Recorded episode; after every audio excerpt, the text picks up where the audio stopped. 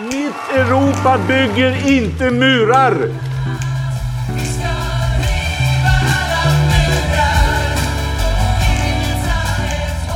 Syftet med de åtgärder som vi nu presenterar är att skapa ett andrum för svenskt flyktingmottagande. Mycket av det som regeringen sa igår ställer ju oss vi positiva till och vi tror också att en del av det kan dämpa trycket. Men vi är fortfarande oroliga för att det inte kommer att vara tillräckligt. Snälla, gör inte det här. Splittra inte familjer. Utsätt inte människor för ännu större risker.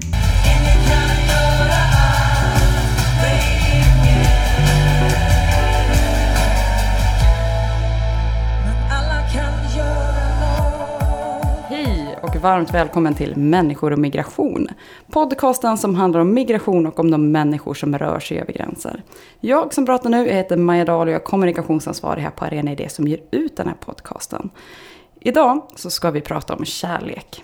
Vad händer om du blir kär i någon som inte bor i Sverige? Och hur gör du då för att den du älskar ska få flytta hit? Vad krävs för att din relation ska godkännas av Migrationsverket? Och gör det någon skillnad vilket land den du blivit kär i kommer ifrån?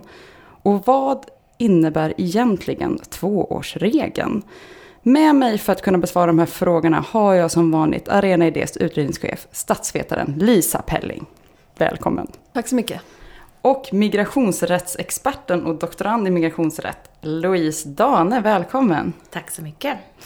Kul att du kunde vara med här. Du föreläser ju på Stockholms universitet om, eh, om migrationsrätt och där ingår de här frågorna har jag förstått det som. Så att vi det är väldigt tacksamt att du kunde vara med oss här i studion och förklara även för våra lyssnare vad det handlar om. Så jag tänker att vi börjar liksom eh, i, i, det mest liksom basic. Eh, vi ska ju prata om det som lite slarvigt när man pratar om de här frågorna kallas kärleksinvandring. Men enligt lag beskrivs som anknytning. Louise, kan du förklara för oss, vad är egentligen anknytning? Ja, eh, jag ska försöka göra det lite kort då. Men man kan väl tänka sig så här, att det finns ju massa olika anledningar till att man kan få ett uppehållstillstånd i Sverige. Det kan ju vara för att man har behov av skydd eller för att man har fått ett jobb eller sådär. Och när det kommer till anknytning, då menar vi att det finns antingen en person eller en stark relation till Sverige så som att du kan språket och är rotad här i landet. Det faller liksom in under det som är anknytning. Okej, men om det då gäller att man har anknytning till person som är liksom mer det vi ska prata om idag. Så här, hur skiljer sig anknytning då från familjeåterförening?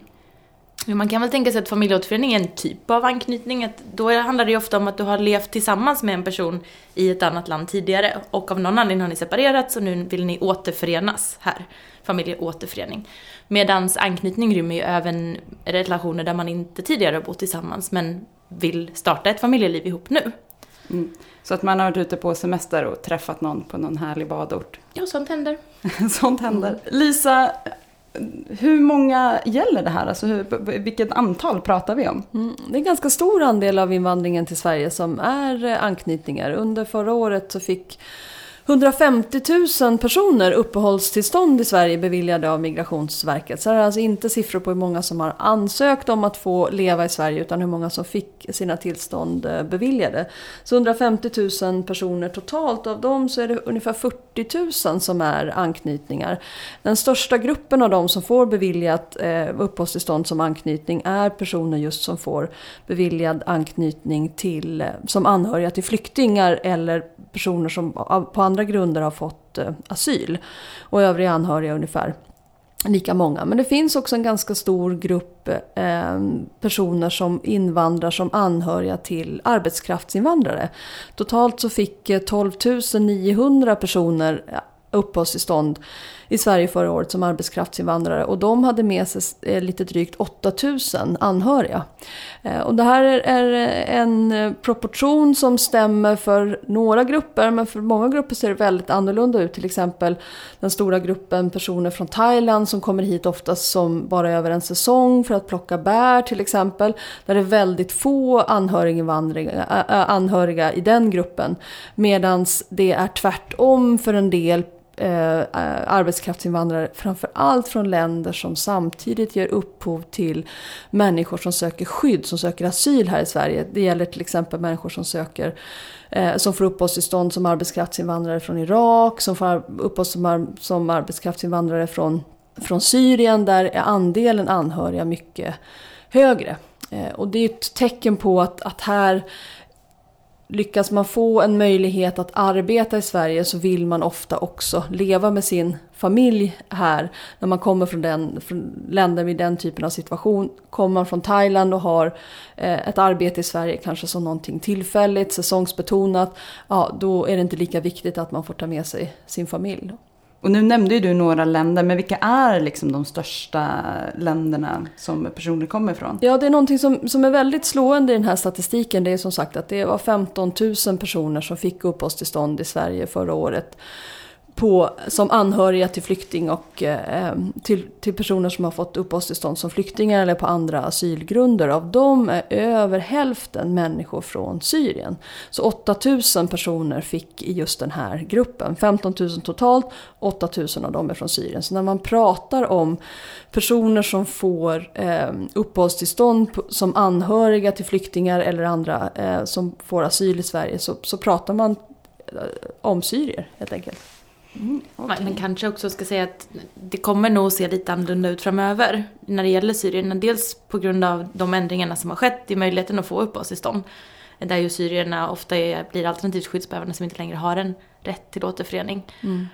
Um, och många av de som beviljades under förra året har nog sökt tidigare så de går på, på, på den tiden när syrier fortfarande fick permanenta uppehållstillstånd. Och då hade man en tydligare rätt till det. Så vi kommer nog se en skillnad i vilka länder som beviljas mm. framöver. Och vi kommer komma in mer på liksom vad de nya lagändringarna gör för skillnad för just den här gruppen. Men jag tänker att vi går vidare och tittar på vad, vad egentligen är som krävs för att liksom en person ska få komma till Sverige. Jag säger nu att jag har varit iväg, jag har träffat någon uh, utomlands som jag nu vill ska flytta hit till Sverige. Hur ser reglerna ut för att den ska få komma hit? Och kan man säga någonting om hur de här har förändrats över tid, Louise? Mm. Man kan väl säga att eh, anledningen till att vi har en, en möjlighet till att, eh, att få uppehållstillstånd på grund av anknytning, det är ju för att respekten för ett familjeliv är någonting som är, eh, har funnits med under en längre tid och som ses som en del av de mänskliga rättigheterna. Att just skyddet för att ha en familj och att vi ska få leva tillsammans med dem vi älskar, det är någonting som finns i, i många olika internationella konventioner och, och även i, inom EU och, och man kan nämna barnkonventionen, vi kan nämna Europakonventionen och så vidare. Så att det är ju grunden någonstans, att vi överhuvudtaget har en rätt till att få vara med sin familj.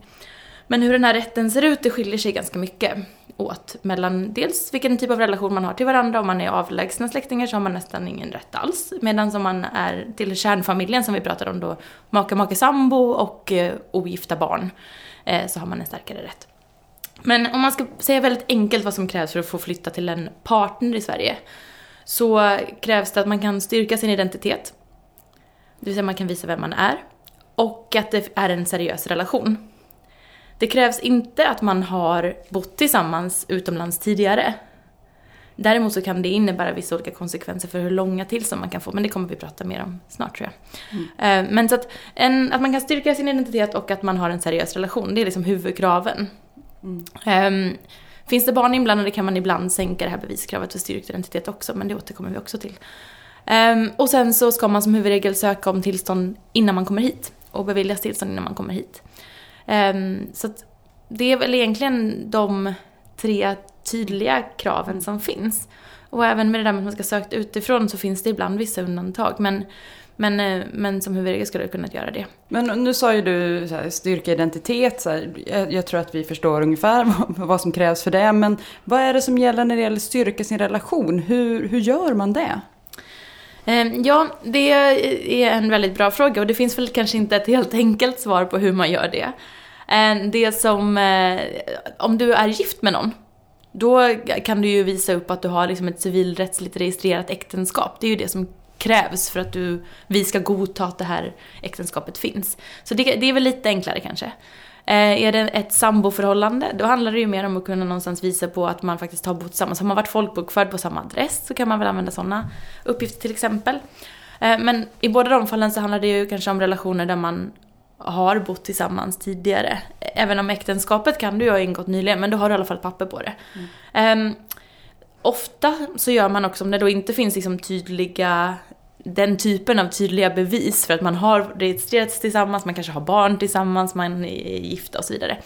Då gör man utredningar där man får frågor. Så att man, man kallar in en person åt gången och sen så ställer man frågorna Eh, och först till dig, om vi tar dig som exempel Maja, först till dig och sen så skulle jag kalla in din partner så skulle jag säga, ställa samma frågor till, dig, till din partner. Och eh, helt enkelt jämföra era svar. Hur kan sådana här frågor se ut? Ja, eh, jag har faktiskt eh, ett litet fuskexempel framför mig på bordet. Det ser ju inte någon som lyssnar. Men, men på autentiska frågor som har ställts till, eh, till ett par ganska nyligen. Ehm, och det är frågor som exempelvis hur man träffades, när och var.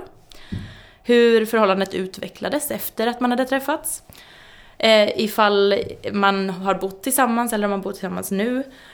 Eh, och om man har bott tillsammans då så pratar man, kan man få frågor om hur såg stället där ni bodde ut? Eh, att man får beskriva hemmet. Och även om man inte har bott tillsammans kanske man har varit och hälsat på varandra. Då kan man också få den typen av frågor. Kan du beskriva hur, var bor den här personen? Hur ser personens hem ut? Eh, det kan handla om saker som vem vaknar tidigast på morgonen? Eh, vem sover på vilken sida av sängen? Vad åt ni till middag igår? Eh, vad jobbar din partner med? Har din partner syskon? Eh, ja, den, den typen av frågor. Jag vet inte om man kanske har sett den här filmen, heter den, Green Card med Gerard Depardieu bland annat. Och då har de ju också någonstans här att man ska få ett uppehållstillstånd, eller medborgarskap kanske till och med i, i USA. Nej, det, är uppehållstillstånd kanske. Green Card är väl uppehållstillstånd då. mm. Eh, Och då tror jag också att de får just den typen av, liksom, vad har man för färg på tandborsten och sånt där. Det är kanske inte riktigt så enkla frågor alltid, men, men sättet som det går tillväga på är ganska likt. Ja, men jag tänker bara på några av de frågorna som, som du läste upp här, som hur har er relation utvecklats? Mm. Det är ju någonting som du i sådana fall måste diskutera innan du går in på intervjun, för där har ju... Ja, men bara Eller tänk- hur träffades ni? Ja. Vilket datum är liksom datum för när man verkligen Ja. blev tillsammans och när sågs man första gången och så. Ja, nej, det, det känns verkligen som att det här är någonting som man skulle behöva prata igenom som par då. Man kan tänka sig också, visst måste det vara så Louise, att, att just samkönade par Eh, är, särskilt utsatta för den här typen av eh, förhör eftersom man i många länder kan ha svårt att just kunna dokumentera sin relation. Man kanske inte har haft rätt att folkbokföra sig på samma adress. Ännu mindre rätt att registrera någon form av samboskap eller, eller ett äktenskap.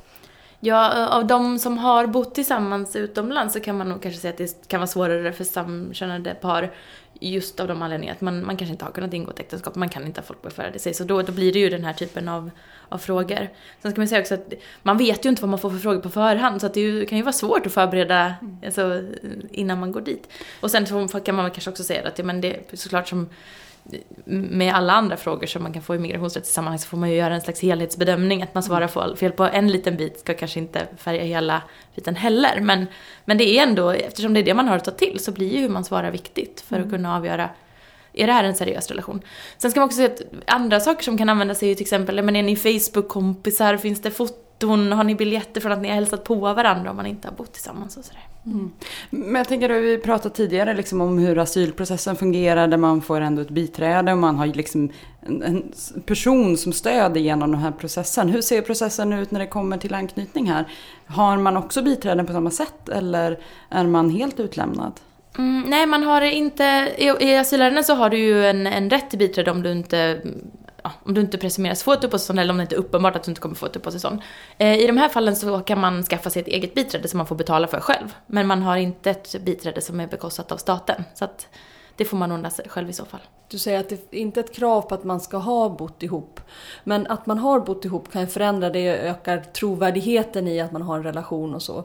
Visst är det också så att det kan innebära att även andra släktingar kan komma i fråga. Alltså att man har delat en hushållsgemenskap till exempel med, eh, säg att man har vuxit upp med sin mormor eller man har liksom de facto adopterats av sin moster. Att den typen av relation då man kan visa att man har levt ihop, bott ihop, delat hushållsgemenskap, att man också då kan, kan, kan få återförenas på anknytning i Sverige.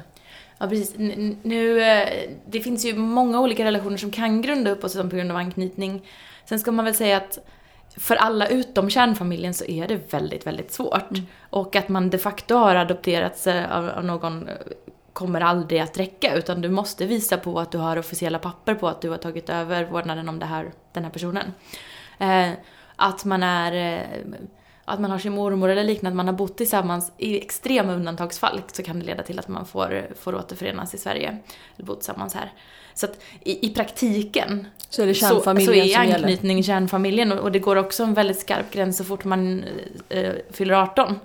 Att så fort du fyller 18 faller du ur kärnfamiljen och då krävs det väldigt starka skäl för att du ska kunna få återförenas med din familj. Så att, men i just de här fallen när det gäller kärleksrelationer så, så blir den största konsekvensen på om du har bott tillsammans utomlands eller det är en nyetablerad relation som vi kallar det för, längden på tillstånd.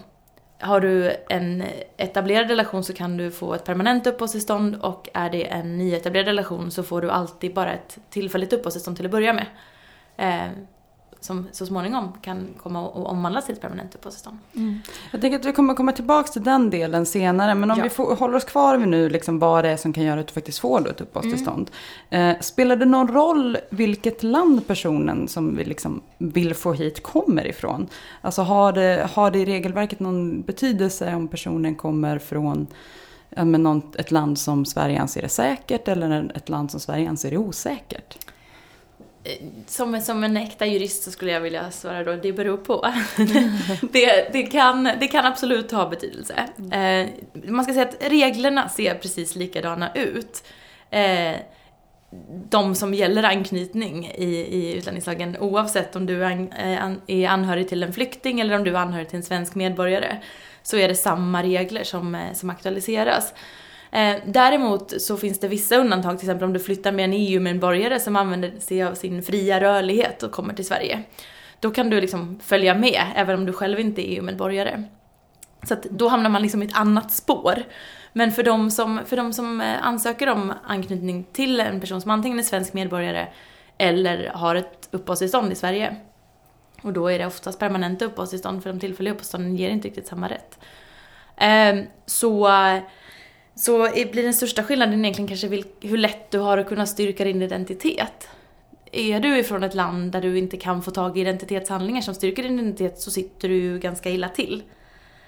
Um, under lång tid så var det ju helt omöjligt för somaliska medborgare att uh, återförenas med sina anhöriga i Sverige och till stor del så är det faktiskt det fortfarande. Det undantag som finns det är om man har gemensamma barn. Och då krävs att man har gemensamma barn och att partnerserna har bott tillsammans i, utanför Sverige.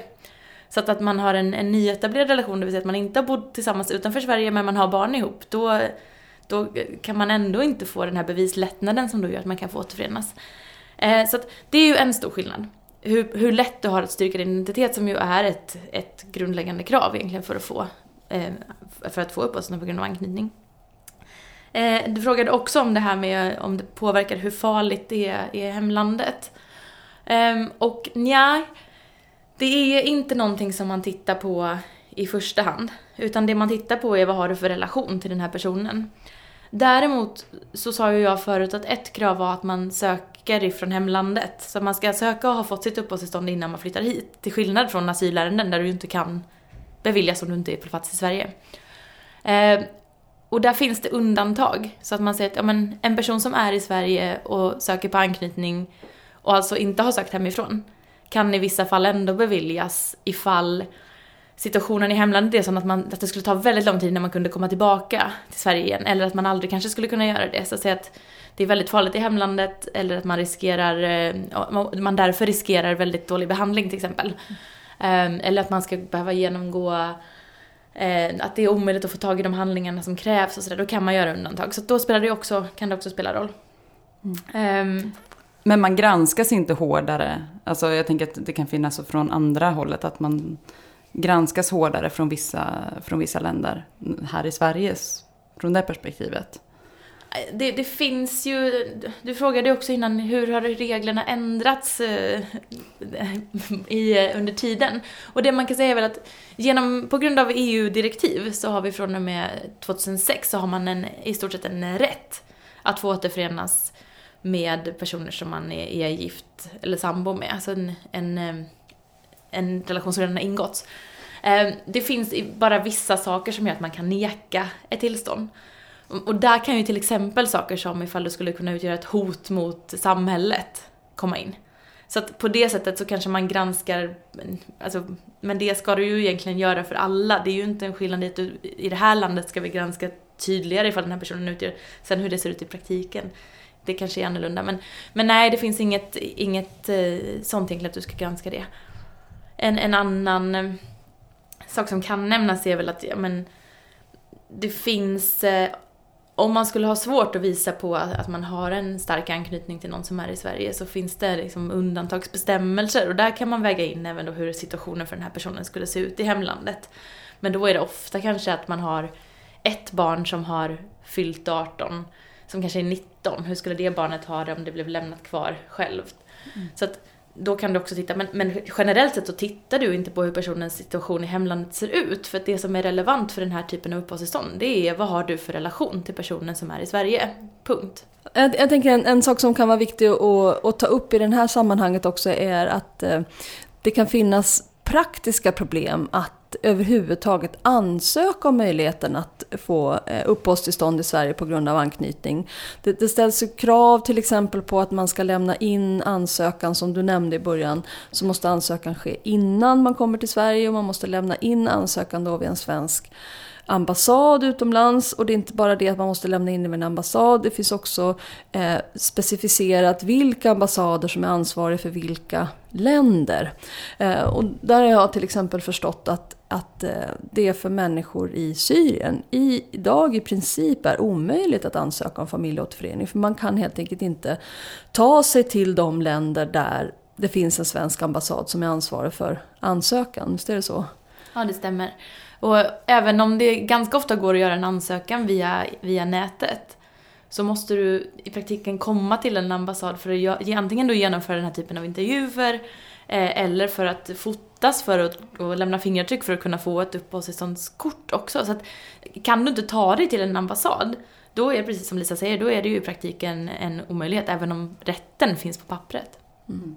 Och det, det, är till exempel rests krav på att även den svenska ambassaden i Teheran i Iran borde kunna utfärda eh, uppehållstillstånd på anknytning till, till eh, människor från, från Syrien. Eftersom man nog fortfarande som syrisk medborgare kan resa in utan krav på visum i, till Iran de få som har liksom möjlighet att, att resa kan göra det rent faktiskt. Medans, men, men där får man så att säga inte lämna in den eh, ansökan. Tidigare så kunde man lämna in ansökan på ambassaden i, eh, i Ankara eller, eller mm, i Jordanien. Men som vet så är de gränserna i princip helt stängda nu. Det går inte att lämna helvetet i Syrien just nu över till Turkiet eller till Jordanien. Och där ska man säga att det är ju, det är ju ett ganska enkelt beslut att, att säga att även andra ambassader kan, kan handlägga de här ärendena. Det är ju, det, det, är ju ingenting som står skrivet någonstans. Snarare är det väl kanske så tvärtom, att det inte är helt, helt lagenligt att inte tillåta det. Mm. Speciellt om man tittar på Europakonventionen och den faktiska tillgången till rättigheter. Eh, och där ju familjeåterförening också finns med, eller rätten till familjeliv som det heter. Och då, då, då är det kanske inte helt, eh, helt okej okay att faktiskt i, i praktiken avskära den här möjligheten. Mm. Vi återkommer ju väldigt ofta till den nya lagen här i, i podden. Och en sak som vi pratar ganska mycket om är den lagen som påverkar möjlighet till familjeåterförening just. Eh, hur påverkar de ändringarna, säg då till exempel möjligheten för en person från Australien som vill återförenas med den som, med den, som den är kär i liksom här i Sverige? Eh, får det några konsekvenser för den sortens liksom, invandring? Eh, ja, det får det. Det, är ju, det ni har tagit upp tidigare det är ju just eh, att man har avskurit möjligheten egentligen för alternativt skyddsbehövande till återförening. Eh, men också att tillfälliga uppehållstillstånd leder till att även flyktingar då som vars anhöriga får ett uppehållstillstånd, att det blir också tillfälligt uppehållstillstånd även om man tidigare skulle fått ett permanent och så vidare. Så att den typen av skillnader finns ju. Men sen är ju också en stor nyhet i det här lagstiftningspaketet är det som gäller försörjningskrav. Eh, och försörjningskrav, det har funnits i svensk lagstiftning även innan den här tillfälliga lagen. Men det fanns ganska mycket undantag. I den ordinarie lagen så säger man att eh, det krävs att den anknytningspersonen, och då menar man personen som är i Sverige och har en rätt att bo i Sverige, antingen som medborgare eller som är uppehållstillstånd, eh, har en till, kan försörja sig själv och har en bostad av tillräcklig storlek och standard för sig och partnern. Eh, men där fanns det massa undantag för, det fanns för barn och det fanns ifall man var liksom, medsökande föräldrar, det fanns för, olika EES-medborgare, om man hade haft uppehållstillstånd så här länge, om man var svensk medborgare. Ja. Så det var i praktiken väldigt få personer som behövde kunna försörja sig själva och, eh, mm. och ha en tillräckligt stor bostad. I den här tillfälliga lagen eh, så har man ju ofta refererat till den som en, en asyllagstiftning, men det är faktiskt ganska vilseledande skulle jag säga just på den här punkten i alla fall. För att försörjningskraven i den nya lagen gäller alla. Det spelar ingen roll om du är svensk medborgare eh, eller om, om du har bott här länge. Utan alla träffas av den här lagstiftningen, eh, förutom väldigt, väldigt få undantag. Och då är det ifall anknytningspersonen är ett barn, i stort sett. Barn som bor här ska inte behöva försörja sina föräldrar. Men, eh, men annars så måste alla kunna försörja eh, både sig själv och sin partner, vilket också är en nyhet. Och ha en bostad av tillräckligt stor storlek vilket följer Boverkets normer för trångboddhet, eller hur? Så det är inte liksom att man ska kunna breda ut madrasser på golvet utan man ska ha ett sovrum per, per barn. Är det så? Ja, det, det är faktiskt så att jag, jag tänkte att jag skulle liksom ta ett räkneexempel på vad, vad betyder det här för en person och- som vill ha hit en partner. Nu har jag bara räknat på en partner och inte barn, men Men om man vill få hit sin partner då säger vi att jag har varit ute och rest, jag har träffat en person från i Australien, en australiensisk medborgare och jag vill ha hit min partner. Då betyder det att, att jag måste kunna försörja både mig själv och min partner. Och det man räknar det på, det är dels det som kallas för normalbeloppet. Mm. Eh, och även då att jag kan betala för våran bostadskostnad. Så att det betyder att normalbeloppet för två vuxna samboende, det är 7820 kronor 2017. Så då måste jag kunna betala dels det, och sen är min hyra ungefär 7500 kronor. Vilket betyder att jag behöver då ungefär ha runt 15 500 kronor efter skatt. Men sen så krävs också, som Lisa var inne på, att min bostad är tillräckligt stor. Och som jag bor så skulle jag inte få hit min partner i dagsläget. Hur För att- stort bor du? jag bor i en etta. Eh, och eh, för att få hit min partner så krävs att jag har en tvåa. Det krävs att jag har ett sovrum och ett eh, vardagsrum och ett kök eller en kokvrå. Eh, det är de kraven som finns. Så jag skulle alltså inte få ta hit min partner om jag skulle bo i den lägenheten Nej, inte jag heller. Och det man ska säga kanske att de, de här nya reglerna, det gäller för alla ansökningar som kommit in efter den 20 juli 2016 och så länge den här lagstiftningen gäller. Nu har ju vi varit inne på det lite grann förr och du nämnde det nu inledningsvis också att det ser lite att ja, men den här lagändringen påverkar rätten till familjeåterförening. Eh, men hur, hur blir det då om vi säger nu, det du har förklarat är vad som händer om jag blir kär i någon från Australien, men om jag blir kär i någon från Syrien då? Hur, hur påverkar den här lagändringen då? Men man kan väl säga så att om, du, som är svensk medborgare, eh, blir kär i en syrier, då gäller ju att du kan försörja och ha en tillräckligt stor bostad för den här personen och att er relation är seriös och att din partner kan visa vem hen är. Eh, är det däremot en person från Syrien som är anknytningspersonen, det vill säga en person från Syrien som är här i Sverige, då blir ju frågan vad, vad har den personen för typ av uppehållstillstånd? Eh, har den fått uppehållstillstånd som eh, arbetstagare eller har den fått uppehållstillstånd som flykting eller som alternativ skyddsbehövande. Där kommer det att se olika ut hur möjligheterna för den personen är att ta hit sin partner. Oavsett om den kan försörja personen eller inte. För är personen alternativt skyddsbehövande så ser möjligheten i dagsläget eh, inte så bra ut. Utan alternativt skyddsbehövande i den tillfälliga lagen har ju ingen rätt att återförenas med sina anhöriga. Ehm, däremot så, man kan ju inte ha en så generell nekande, så man måste titta på Europakonventionen också.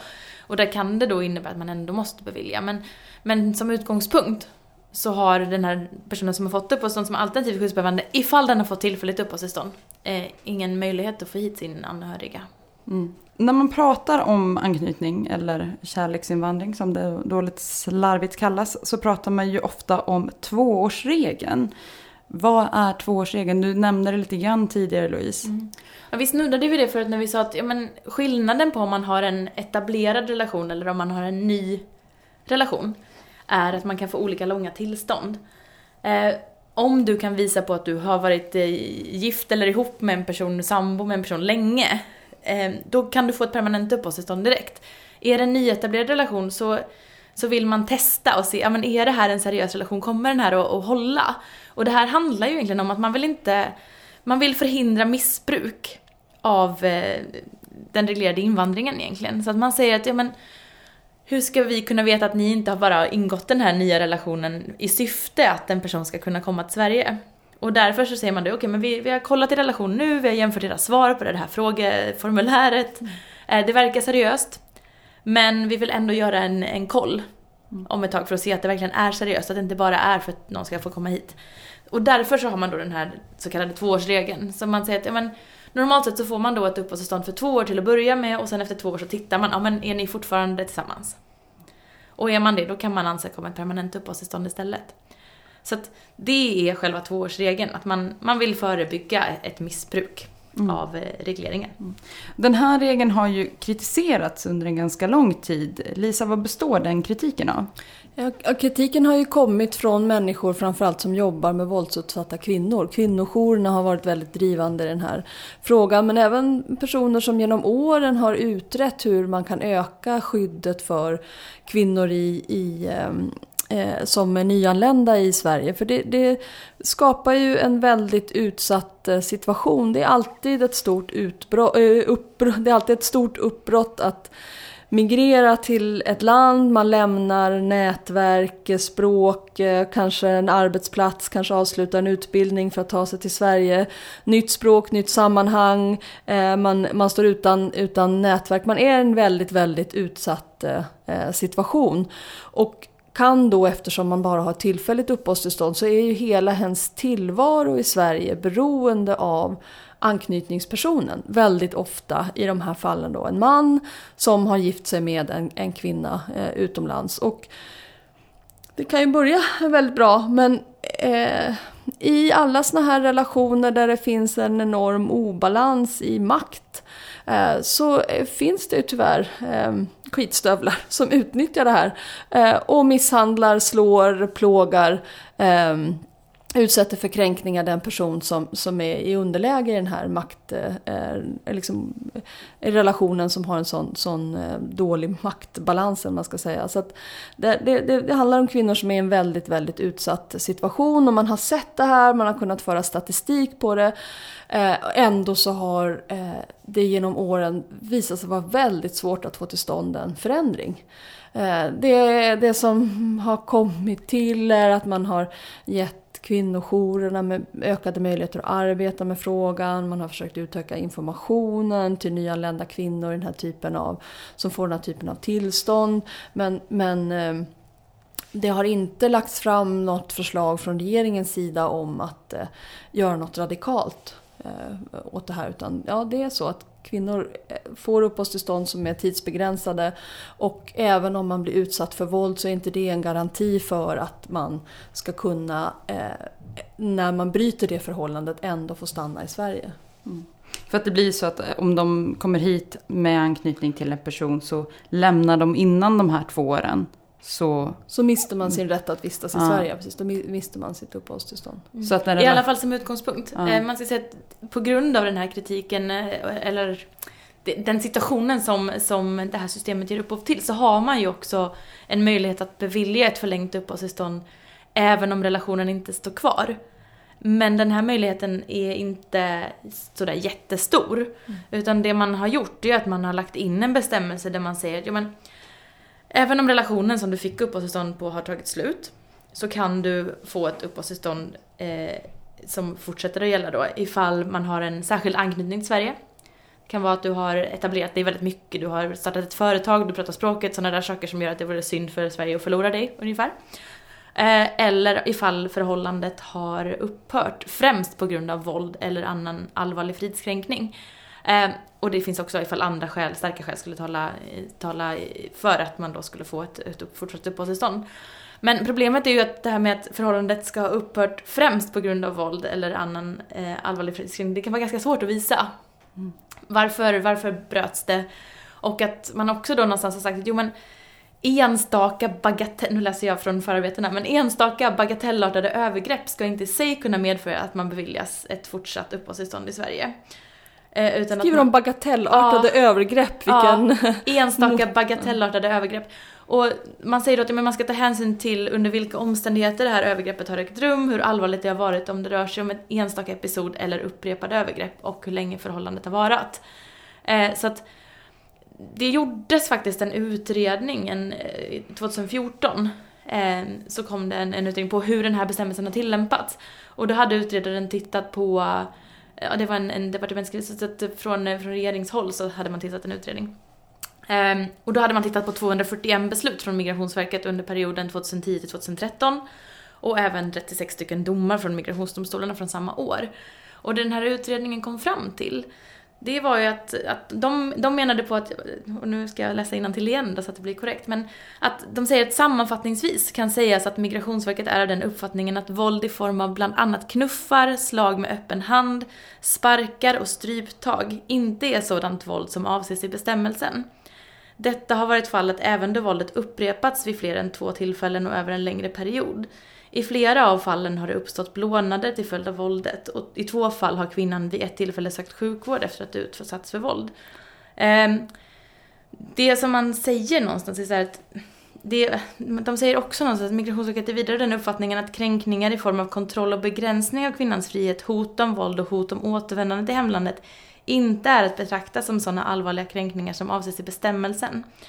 Um, i bestämmelsens förarbeten så, så pratar man ju om att, att eh, avsikten är att uppehållstillstånd ska beviljas i de fall där allvarliga eh, upprepade övergrepp har förekommit. Och det de då kommer fram till i utredningen så är att men det är deras uppfattning att Migrationsverket i första hand har gjort en bedömning av enskilda handlingars art. Och om de är tillräckligt allvarliga snarare än om övergreppen har varit upprepade och systematiska. Eh, så att det, det var vad man kom fram till i den där utredningen. Um, sen är ju den, den har några år på nacken och det har väl förmodligen lett till en del mm. ändringar för det var nog inte kanske riktigt så det var tänkt.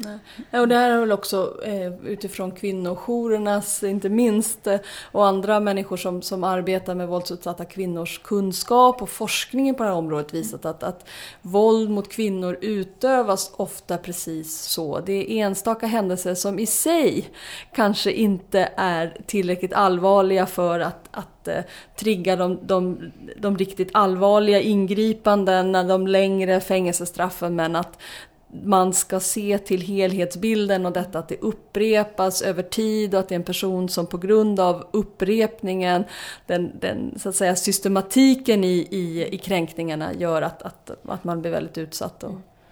Nej, och sen ska man väl liksom påminna om att det här är ju ett sånt där typexempel på vad som händer när man ska titta på olika intressen. Att anledningen till att vi har det här systemet med tvåårsregel och att ibland kunna då ändå bevilja eh, det är ju att olika intressen aktualiseras samtidigt. Att, att man, man vill inte skapa ett system som går runt den reglerade invandringen samtidigt så tycker vi att det finns en gräns för hur dåligt människor ska behandlas i spåren av det systemet.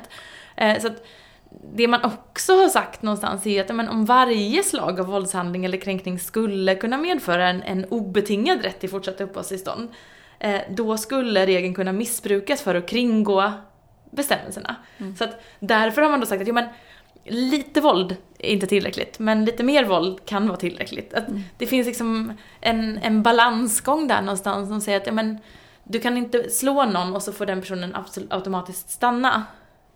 Mm. Det blir ju ganska märkligt när man ser det på det sättet, men det är ju precis, mm. precis så det är, kon det, gjort, ja. det är konstruerat någonstans. Att vi, vi, vi vill inte skapa en tydlig väg runt våra bestämmelser, men vi tycker ändå att det, finns en, det måste finnas en väg ibland. Mm. Nu när vi ändå pratar liksom vägar och alternativ, så tänker jag ändå, så, finns det något alternativ till tvåårsregeln? Kan man behålla de här intressena på något sätt utan att ha det just på det här sättet? Eller kan man kanske bara stryka den helt? Eller hur, ser vi några andra vägar? Jag, jag tänker att det är rimligt att det kan finnas en, en, en tidsbestämmelse. Jag tänker mig att alternativet är att relationer som inte anses tillräckligt etablerade inte kan leda till uppehållstillstånd i Sverige alls. Så får man ju också se det, att det är inte alls möjligt att om du blir kär i någon eh, eh, men inte har hunnit gifta dig, inte har gemensamma barn, inte har levt ihop, då kan du aldrig eh, så att säga få återförenas och leva med den partnern i, i Sverige. Utan det måste finnas en, en sån möjlighet och för att skydda mot att den här möjligheten missbrukas så finns det i vissa fall då en, en, en tidsgräns. Men det man måste lägga, så det tycker jag är rimligt, det man måste lägga till är att man måste hela tiden uppdatera vad man betraktar som kränkning, våld, i takt med att vår kunskap om de här frågorna ökar, forskningen, den erfarenheter som finns. Och det är otroligt viktigt att de erfarenheter som görs, inte minst i, i, bland, bland kvinnojourer men också inom, inom forskningen tas tillvara. Eh, och att man hela tiden uppdaterar lagstiftningen men kanske framförallt handläggningen och medvetandegör de som, som handlägger de här eh, frågorna. Hur våld ser ut, hur våldets mekanismer ser ut, hur, eh, ja, hur människor hamnar i utsatta situationer. Ja, nej men, men absolut. Sen, det är väl... Alltså knäckfrågan är väl någonstans, ska vi, om man ska ha ett system med reglerad invandring, då kommer man ju alltid behöva fundera på sätt eh, att man, att man också har ett system och att man inte skapar en massa parallella vägar. Så, och det gör det ju komplicerat helt klart. Det är klart att man kan också säga att vi har ju möjligheter att återkalla uppehållstillstånd. Eh, att man skulle kunna bevilja uppehållstillstånd och sen återkalla dem då. Men då behöver man ju ha någon form av system som då kontrollerar istället eh, på något annat vis. Nu har man då sagt att ja, men, har du tillfälligt uppehållstillstånd så sen när det har löpt ut så får du liksom ansöka om förlängning och då gör vi en kontroll. Eh, att bara kunna återkalla ifall det skulle komma in tips till exempel. Det är, ja, alltså det finns väl för och nackdelar med olika system men, men det är klart att det inte är helt önskvärda konsekvenser att människor låses in i, i svåra situationer. Um, Man kanske inte vill bygga upp heller ett angivarsystem där människor ska hålla koll på sina grannar. nej. Ringa Migrationsverket, Och jag tror inte är det de är nog faktiskt inte grannarna som rapporterar i de här fallen utan det är nog snarare partnern. Eh, eh, Partnern som grundade anknytningen. Ja, såklart. Eh, eftersom att eh, den personen har ju rätt att vara kvar i Sverige men Mm. det, det är lite som med arbetstillstånden också någonstans. Att den som råkar illa ut är, är den som, som kommer Ja, hit. nej, och detta liksom vidriga som, som, som ju rapporteras om igen och igen och igen, att det finns män som har satt detta i system. Som gifter sig igen, igen, igen med ungefär två års mellanrum med, med utländska medborgare. Eh, och, och igen och igen och igen hamnar i polisens register över misshandlare och, och, eh, och så. Alltså att, så att Och där det- har vi ju ett problem till faktiskt som är att i och med familjeåterföreningsdirektivet som vi pratade om förut, som gav en rätt till återförening egentligen då om du är gift. eh, Så finns det, stor, det finns stora skillnader på ifall du kommer till en person som du ska vara eh, sambo med eller en person som du är gift med. Vi sa förut att det, ja, men i vissa fall så finns det möjlighet att neka tillstånd. Och när det är ett, om man ska vara sambo, man inleder en samborelation med någon, då kan vi titta på saker som, är den här person, finns det en risk att personen som kommer hit eller den personens barn skulle råka illa ut? Skulle, alltså, har, har vi de här personerna i register? Vet vi att de har utsatt sina nära anhöriga för, för den här typen av eh, våld tidigare? Då kan vi neka. Men är man gift så har vi inte längre möjlighet att neka.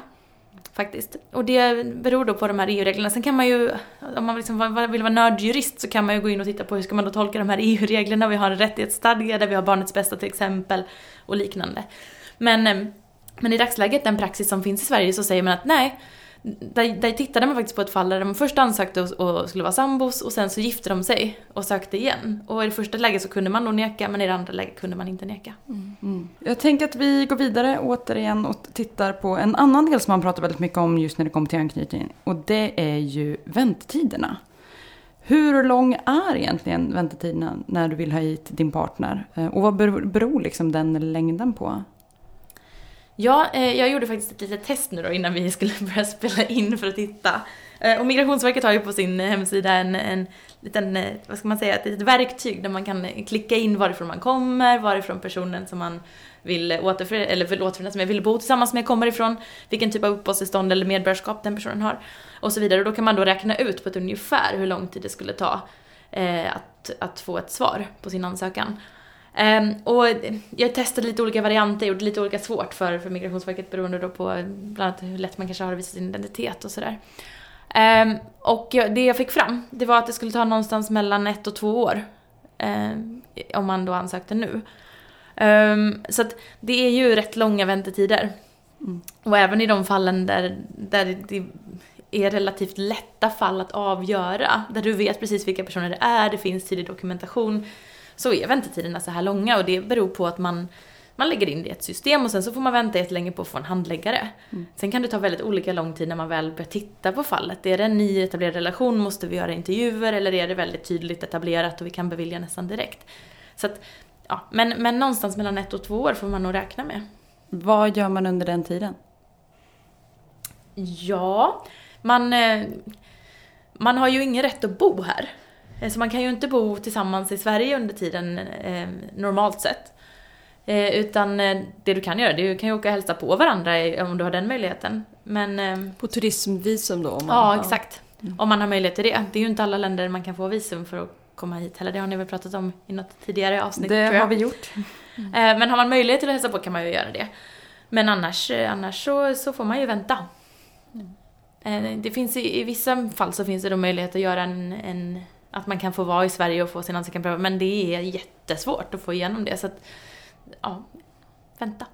Alltså det är väl någonting som man för upp över listan eh, på saker som man kan göra för att underlätta för familjer eh, och människor som älskar varandra att leva ihop i Sverige är också att se till att Migrationsverket får mer resurser så man kan snabba på de här processerna, och göra dem snabbare. För det är klart att särskilt i fall där barn är inblandade så kan ju liksom månaders år av väntetid vara eh, extremt eh, svårt eh, och traumatiserande. Liksom. Det, det är någons barndom som pågår under tiden som, som eh, Migrationsverket har för få handläggare.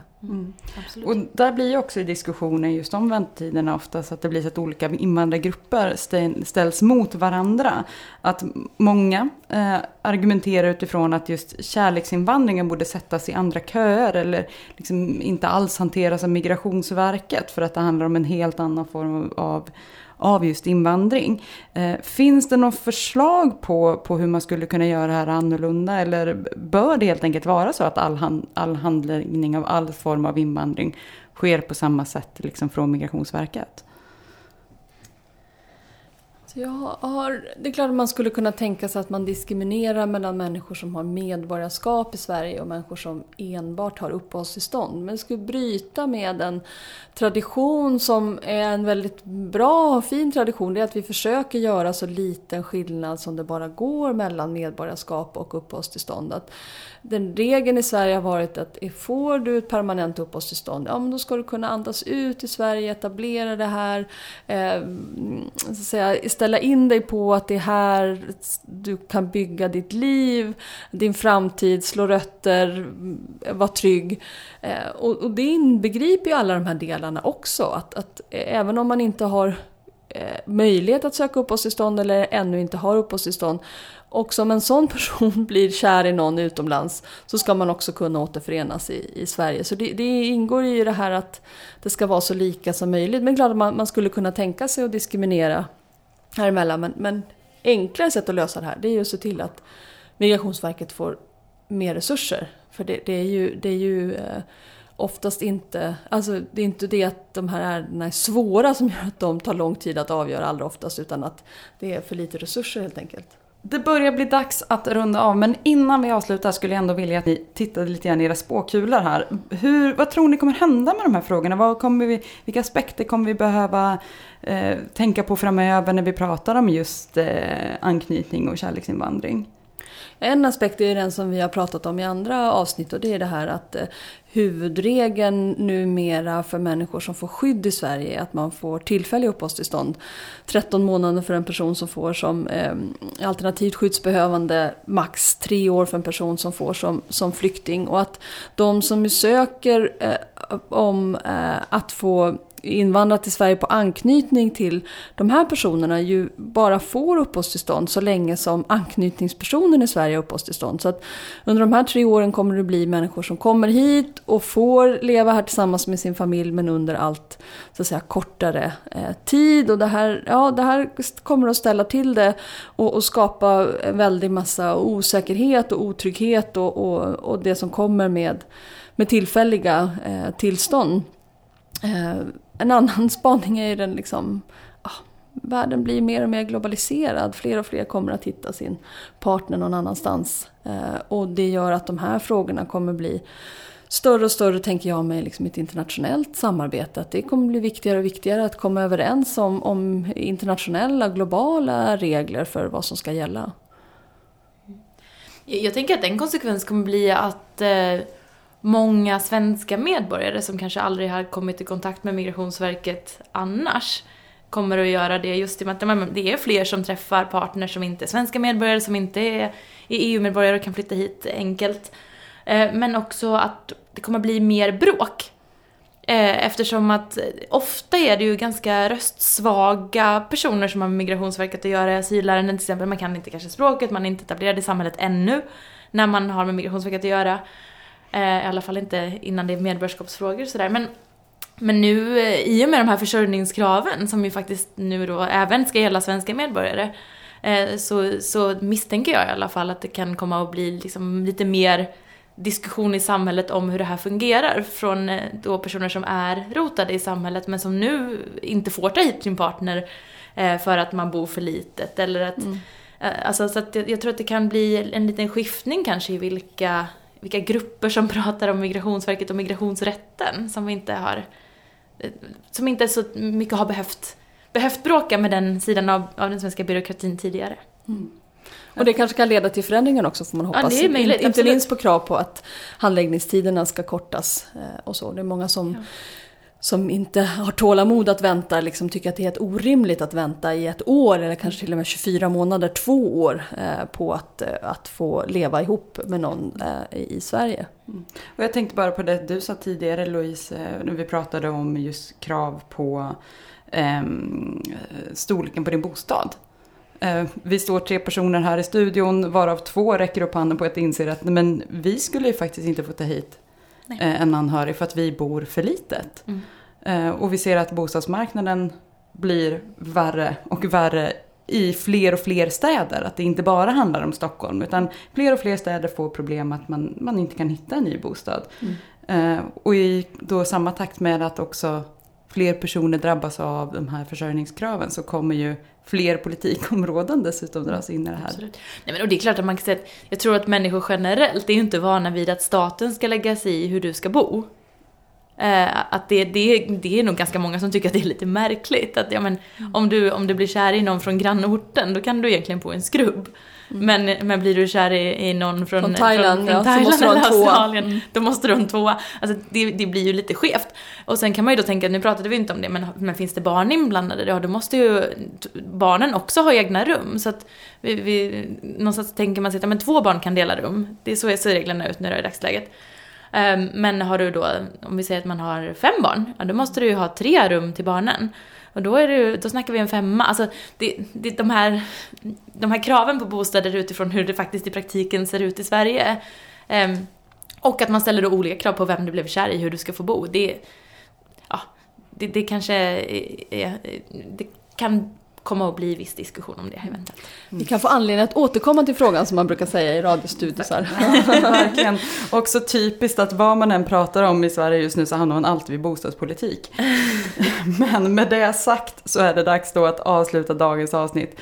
Tack Lisa Pelling och Louise Dane för att ni kom hit och pratade kärlek med mig. Och Tack för att vi fick komma. Allt besvär runt omkring kärleken också kanske.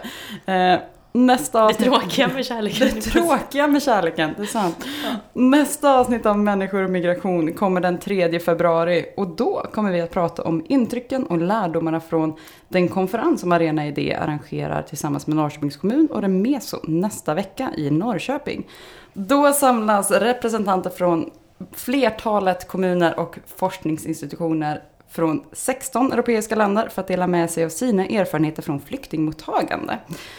Lyssna då så får ni helt enkelt lära er vad vi lärde oss den veckan. Och om du är i Norrköping så har du också möjlighet att gå på de eh, öppna föreläsningar som, som är under den här veckan. Gå in på arenaid.se så hittar du mer information om hur du kan få lyssna på de här föreläsningarna. Om du vill lyssna på något annat som Arena Idé ger ut medan du väntar på nästa avsnittet så lyssna gärna på Syskonpodden Pengar och politik. Eller så kan du lyssna på det seminarium vi har spelat in som ligger uppe på Arena Play. Alla de här poddarna hittar ni som vanligt där poddar finns. Och där ni lyssnar på poddar. Där ni hittade den här. Har ni frågor eller kommentarer på dagens avsnitt går det bra att antingen twittra det till oss på attarenaidé eller till Louise Dane på Att Louise Dane. Att Louise Dane, bra. Eller skriv på vår Facebook-sida. Sök på människor i migration så hittar ni oss där. Tusen tack för att du har lyssnat. Vi hörs om två veckor. Tack så mycket. Tack så mycket.